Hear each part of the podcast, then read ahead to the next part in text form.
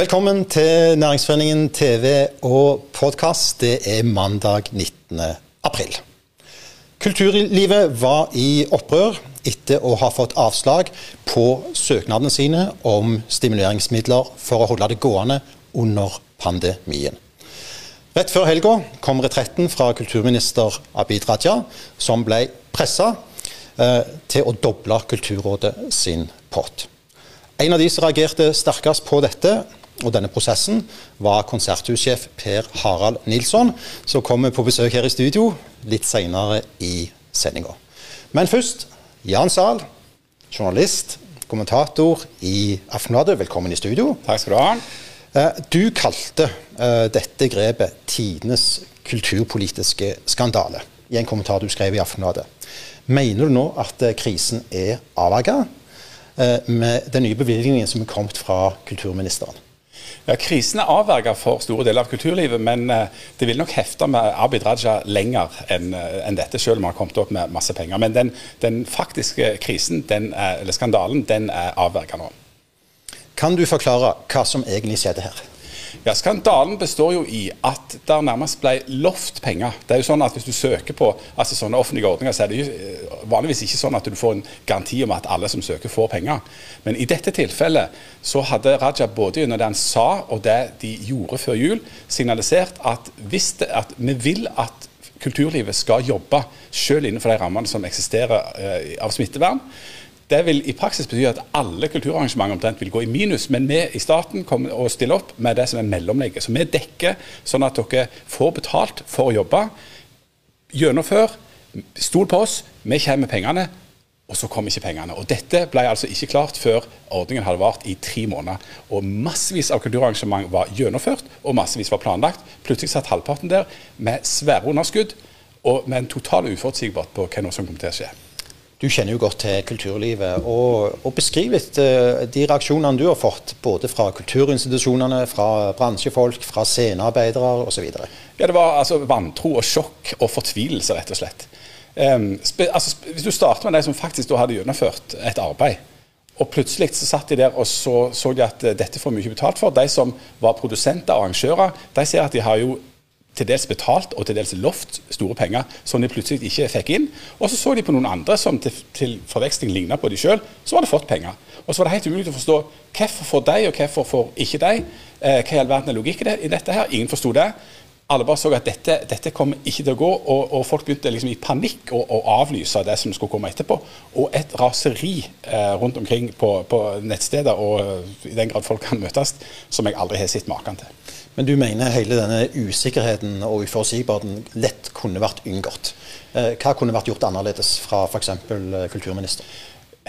Ja, altså Han kunne ha levert på det han sa han skulle levere på. Det hadde vært det enkleste. Så det, har vært helt utrolig dårlig håndtert og veldig forvirrende håndtert. Og Jeg forstår fremdeles ikke helt hva det var som skjedde. Eh, fordi at Denne ordningen ble etablert før jul. Raja var jo veldig opptatt av at det skulle kunne gjennomføres julekonserter. Folk skulle kunne gå på julekonsert. De stilte opp med pengene. Omtrent alle fikk. Alle husker at eh, noen fikk veldig mye. Uh, F.eks. Kurt Nilsen han fikk veldig godt betalt for dette. her. og Så sier de OK, vi fortsetter den ordningen etter jul. med stiller med pengene, det er de samme reglene, men vi kutter litt på honoraret, sånn at Kurt Nilsen ikke kan få like mye penger. Eh, og, når det da ikke skjer allikevel, så, så, eh, så, så, forstår jeg fremdeles ikke hva det var som skjedde. egentlig. Altså. Men, men, Raja han har vært konsekvente, men pengebevilgningene har da altså plutselig endra seg, og så har plutselig saksbehandlinga i Kulturrådet endra seg. Så er det Raja sin feil, er det Kulturrådet sin feil, er det at de ikke har snakket godt nok sammen? I don't know.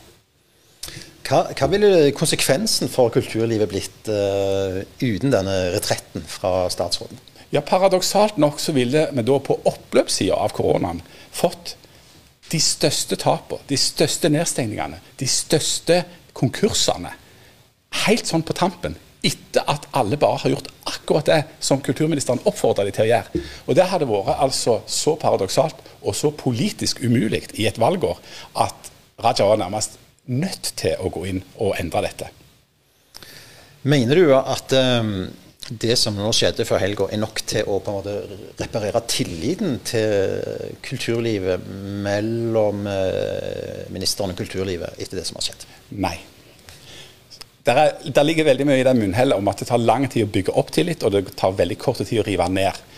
Abid Raja kom inn i kulturlivet totalt ferske, totalt nybegynner, visste ingenting om det. Eh, han starta på en måte i omtrent null, og så har han en voldsom entusiasme og en voldsom vilje, og han har jobbet på. Og han har rett når han sier at han hele tida gjennom disse 13 månedene har vist både evne og vilje til å øke og justere og tilpasse. Men ordningene har helt konsekvent kommet på etterskudd og for seint, sånn at det har vokst seg opp en enorm frustrasjon. Og så har han klart å, å, å redde det. Og så eh, har han på en måte hangla videre da, på et eller annet vis. Så Sånn sett så har han levert sannsynligvis de beste ordningene for kulturlivet i verden. Altså, altså, Summen til slutt er helt fantastiske, men måten det har blitt gjort på, gjør at han går ut òg av denne runden med masse ripe i lakken og lavere tillit. Nå er vi i eh, april. Det er 2021, og det er godt over eh, et år siden eh, landet ble nedstengt og konsertsalene ble stengt osv. osv. Hvis du ser litt nå på, på hele bildet og, og, tenker litt på konsekvensene for kulturlivet, de ulike sektorene av pandemien, og hvis du nå prøver å rette blikket litt framover, da, hva tror du vi sitter igjen med? Jeg tror jo at fordi at han, en har hatt ordninger, så kommer store deler av kulturlivet til å komme seg gjennom dette. For det, det har jo noen av spørsmålet. Kommer alle gjennom det? Alle kommer nok ikke gjennom det, men, men, men, men store deler er, står på en måte klar til å begynne å levere den dagen det åpner opp igjen. Eh, og så spørs det jo på publikum. Eh, vil de komme tilbake igjen? Eh, vil det være tillit nok blant folk og, og, og, i det hele tatt, og behov og lyst til å betale for å gå på kulturarrangement? Vil folk ha kapital og evne og lyst til å satse? Jeg tror jo på det. For dette, de sitter jo, alle sitter jo og klør i fingrene etter å få lov til å, å gjøre noe. Og så får vi bare håpe at publikum stiller opp. Og, eh, det er jo mange som eh, har spådd om framtida før, eh, med vekslende hell, kan du si, så jeg burde heller ikke gjøre det. Men, men, det er mange nå som snakker om at du kan få liksom uh, the roaring twenties uh, igjen. altså at Når folk har sittet inne i 13 måneder, så uh, vokser det opp et visst behov for å komme seg ut. Så Vi får håpe at det òg kan komme kulturlivet til gode. For nå har de Kulturnæringen er altså den som har hatt den nest største tilbakegangen i prosent i omsetning, visste da denne koronaevalueringen etter, etter overnatting og, og servering. Så, så der, der, trengs det litt sving og omsetning nå. Hva tror du om juni og om uh, sommeren? Vi beveger oss jo i sånn stemningsskifter. Nå fikk vi jo uh, litt strengere tiltak igjen. Da blir jo alle tilbakeholdne redde og sitter på hjemmekontor. Og så går smitten ned. Og så endrer vi gjerne litt holdning til det. Hva tror du om de neste månedene? Jeg har ikke så voldsomt stor tro på de neste månedene. Fordi at eh, det er for mye usikkerhet, eh, og både når det gjelder smitte og når det gjelder økonomi og når det gjelder absolutt alt. Eh, dessuten trengs det tid for å planlegge gjennomføring av kulturarrangement. For det involverer veldig mye folk og veldig masse struktur og strategi og ditt og datt. Ja. Men til høsten så tror jeg at vi ser på en annen verden òg i kulturlivet. Vi får se hva som skjer. I juni i fjor så åpna vi opp og hadde konferanser og konserter med 200 deltakere og enda mer ute. Eh, og Da trodde vi jo sånn sett kanskje at dette var litt sånn over, men, men det var det jo ikke. Sånn Helt til slutt, eh, Jan Zahl, som kulturjournalist, hva er det du gleder deg mest til nå, eh, når, når dette er over? Ja, Jeg gleder meg jo til det som jeg tidligere tenkte var litt sånn kjedelig, nemlig at ting bare var normale. Altså at Det kan få være kan være vanlig at jeg kan få gå på kino hvis jeg har lyst, at jeg kan få gå på en konsert hvis jeg har lyst, at jeg kan få gå ut og treffe folk, at jeg kan gå på restaurant. Gleder meg til å gå på restaurant. Så jeg vil egentlig bare ha tilbake det helt vanlige. Det trodde jeg aldri jeg skulle si. Tusen takk for at du kom i studio, Jan Zahl, og velkommen tilbake. Lykke til. Takk, takk skal du ha. Vi skal få en uh, ny uh, gjest inn. Uh, for det at Stavanger konserthus holdt jula i gang, sånn som så kulturministeren ba om. Og så fikk de altså plutselig avslag på nesten alle søknadene om stimuleringsmidler i 2021. Per Harald Nilsson, du er direktør ved Konserthuset i Stavanger, og du reagerte sterkt på dette. Du sa bl.a.: Vi ble lova forutsigbarhet, men fikk det motsatte. Hva legger du i dette? Denne ordningen eh, var jo den som skulle gi oss driftsgrunnlag i 2021. Uh, eh, de tidligere ordningene som vi hadde før jul, som belønnet avlysning, de ble avviklet. Dette var eh, kulturministerens flaggskip, det som skulle gi oss stabil, forutsigbar ramme for driften. Når vi nå plutselig ikke fikk gjennomslag for mer enn 160 000 av en søknad på 2,2 millioner i første omgang, så sier det seg selv at da er næringsgrunnlaget borte. Man kan ikke drive et konserthus eller noen som helst eh, konsertvirksomhet basert på 20 mennesker, slik grensen var. Grunnlaget borte, altså. Og hva ville konsekvensene blitt for dere eh, hvis dette besto? Hvis dette hadde blitt stående, så ville vi eh, rett og slett bare ha måttet permittere alle umiddelbart og stenge dørene. Og hadde vi kjent til eh, at man ville stramme inn ordningen sånn som det så ut til, så ville vi ha gjort det allerede i januar. Nå har jo heldigvis ministeren lyttet, da. Så nå slipper vi forhåpentligvis det. Han har lytta. Og, og, vil du da si at uh, faren er over? Uh, at dette er nok? Ja, det er jo nå uh, Vi vet at det er søkt om totalt ca. 900 millioner for første halvår. Og den nye rammen er jo på 800. Det kan nok være at det er en del arrangementer som skal defineres ut uansett. Så man er jo i nærheten av noe. Men vi vet jo at i løpet av tre måneder i 2020 så ble det delt ut 668 millioner over denne ordningen. Og da er jo også 800 ganske knapt for en periode på seks måneder.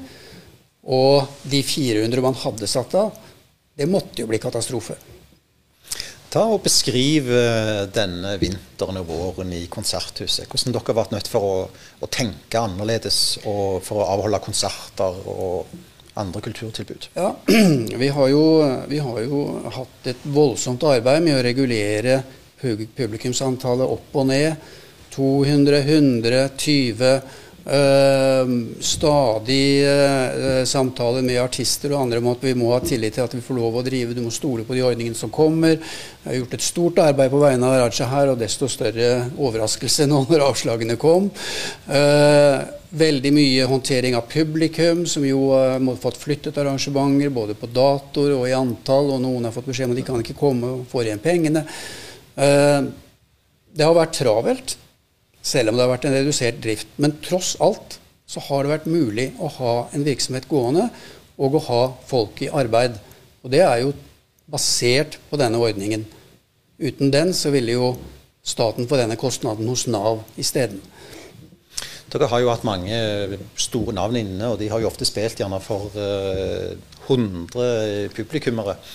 Og Jeg har selv vært på sånne konserter, og, og det har vært bra. Men hva, er artistene sin holdning til dette? Er du en så stor sal som f.eks. Zetlitz, eh, og så sitter folk så spredt? Ja. Nei, altså, man, man, man, ønsker jo å møte hele sitt publikum, og det er på en måte litt trist å sitte der med, med bare noen. På den annen side så er, opplever vi at både artistene og publikum har kjent veldig glede ved at vi faktisk holder flagget høyt og gjennomfører. Eh, veldig mange artister har takket veldig for det. Altså Vi kunne gjort det enklere for oss selv ved bare å stenge dørene ved årsskiftet. Vi har valgt å, å, satse på å holde ting gående. Det har for så vidt vært regjeringens politikk også. Eh, men dette har jo vært en kontinuerlig øvelse i omstilling. Så det kan vi jo håpe kan bli en positiv ting å ta med seg. Du har jo etterlyst forutsigbarhet. Nå har vi jo snakket litt om, eh, om støtteordningene. Men jeg tenker litt på dette med restriksjoner, som du sier at dere har vært nødt for å håndtere hele tiden. Og de har jo eh, endra seg relativt ofte. Eh, litt tilbake til dette med forutsigbarhet. Hvordan syns du eh, altså myndighetene har løst utfordringene med tanke på logikk rundt restriksjonene? Altså, i, det, I det store og det hele så tenker jeg jo at myndighetene i Norge har har gjort en veldig bra jobb med å begrense pandemien. Men når det er sagt, så er det jo ikke noen tvil om at det er mange inkonsekvenser og paradokser i de systemene som etter hvert har bygd seg opp. Og ett av de er jo det at man behandler alle arrangementer over, på samme måte. De er svært ulike. Og i Konserthuset så har vi jo et slående eksempel på det. Vi har jo i lengre tid nå hatt lov å ha 78 mennesker i restauranten, men bare 20 i de store salene hvor det er veldig kontrollerte forhold. Så, det er jo veldig spesielt. Ja, og, og du har disse sammenligningene med det som er lov i store kjøpesenter, hvor det mange mennesker kan være, mens det hos oss er liksom helt ned på 20 og 100 og, og, og, sånne nivåer. Og under veldig kontrollerte forhold. Du vet nøyaktig hvem som sitter på hvilket sete, og du blir passet på hele veien. Der eh, tenker jeg nok at det burde vært en uh, nyansering. Og så tror jeg at man i mye større grad må ta inn over seg at den delen av kulturlivet som vi representerer, det er en næring som er ganske viktig. Sysselsetter ganske mange mennesker. Det er ikke bare en fritidsaktivitet som eh, man ikke behøver å holde på med. Det er en viktig næring. Og Det tror jeg er noe av det som har slått ut litt i denne tilskuddssaken også. Man har ikke tatt inn over seg at dette har vært en ordning hvor det ikke skal gjøres noen kunstfaglige vurderinger. Det er ikke en kulturstøtte, det er en ren næringsstøtte. og Det forutsetter en forutsigbarhet og en likebehandling som dessverre har manglet. Så når du sier uh, at dette kan illustreres, altså at, at antall folk i restauranten som er mye høyere enn tillatt antall i selve konsertsalen, så illustrerer det at en ikke betrakter kulturnæringen som en næring. da. Ja, men man har, man har gjort det altfor sjablongmessig og satt et tall som, gjelder, som er det samme tallet både for små og store lokaler. Uh, og det må man bort fra. Vi skal inn i en gjenåpningsfase nå, hvor dette gradvis blir åpnet. Vi vet ikke om vi kommer til å leve videre med noen muterte varianter av dette viruset utover høsten, og kanskje fortsatt noen restriksjoner. Da blir nyanseringen i dette systemet veldig viktig. Du snakker om gjenåpning, og det er jo liksom uh ordet vi liker aller best for tida. Eh, hva, er plan A og plan B for Konserthuset? Altså, det, det, er noen steg her. Det første er jo at vi må få lov å åpne igjen. Nå ble vi jo stengt her på, på fredag. Samtidig som vi fikk den gode nyheten om at Raja tildelte oss penger. Uh, uh, så er Vi regner med å leve med restriksjoner nå fram til sommeren. Og så håper vi at vi kan ha en tilnærmet normal drift til høsten. Og den høsten er fullbooket, kan jeg si. Så da er det bare å møte opp. Er det, er det et sånn øyeblikk du gleder deg til? Eh, Nei, vi har, hatt, vi har, ventet på sånne øyeblikk litt for mange ganger nå. Så, så, nå tar vi stegene etter hvert som vi får lov. La meg gjøre det. Tusen takk for at du kom, Per Harald Nilsson, sjef i Konserthuset. Da er dagens uh, sending uh, slutt. I morgen er vi tilbake klokka ni. Og Da skal vi altså snakke om alle de 25 komiteene eller eh, ressursgruppene som danner på en måte grunnfjellet i eh, Næringsforeningen sin organisasjon, og som jobber med næringspolitikk i hele regionen og innenfor alle de forskjellige sektorene. Så følg med på det. I mellomtiden, hold avstand, ta godt vare på hverandre.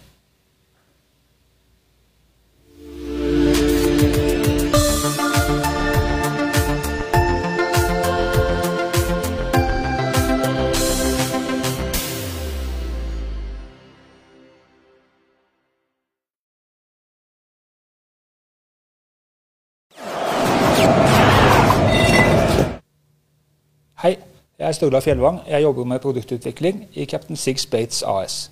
Vi utvikler agn til kommersielt fiske. Nå lager vi et agn til fiske etter leppefisk. Hvert år fiskes det rundt 20 millioner leppefisk i Norge. Disse brukes til å spise lus i laksemerdene. Det vanligste agnet som er brukt til dette fisket, det er krabbe. Fiske foregår vanligvis på denne måten. Fiskeren fisker fisk som han skal bruke til agn i teinene. Denne fisken kunne vært godt brukt til mat, eller kunne vært mat for annen fisk. Så setter fiskeren teiner med dette agnet for å fiske krabbe. Krabbene som fanges, brukes igjen til agn i teinene for å fange leppefisk. Det er estimert at det brukes et sted mellom to og fem millioner krabber i året til fangst av leppefisk. Levetiden til en leppefisk er langt kortere i en merd enn i naturen. Svært mange dør når laksen avluses med ferskvann, og når laksen slaktes. Ved å fange leppefiskene opp før slakt og avlusing vil disse kunne brukes om igjen. Dette vil minske presset på naturlige ressurser og spare både agnfisk, krabber og leppefisk. Vi jobber med agn, som kan brukes både til fangst av vill leppefisk og i merd. Vårt agn har mange fordeler i forhold til konvensjonelle agn. Først og fremst er det bærekraftig. Det er i hovedsak laget av restråvarer fra matvareindustrien. I tillegg er det forsterket med konsentrerte, naturlige tilsetningsstoffer som øker effekten. Agnet vårt trenger verken å fryses eller stå på kjøling. Dette sparer energi og letter arbeidet for fiskeren. Det krever også mye mindre lagerplass. I 2020 solgte vi 10 tonn med agn til leppefisk. Det sparte livet til rundt 200 000 krabber. I 2021 håper vi å selge langt mer.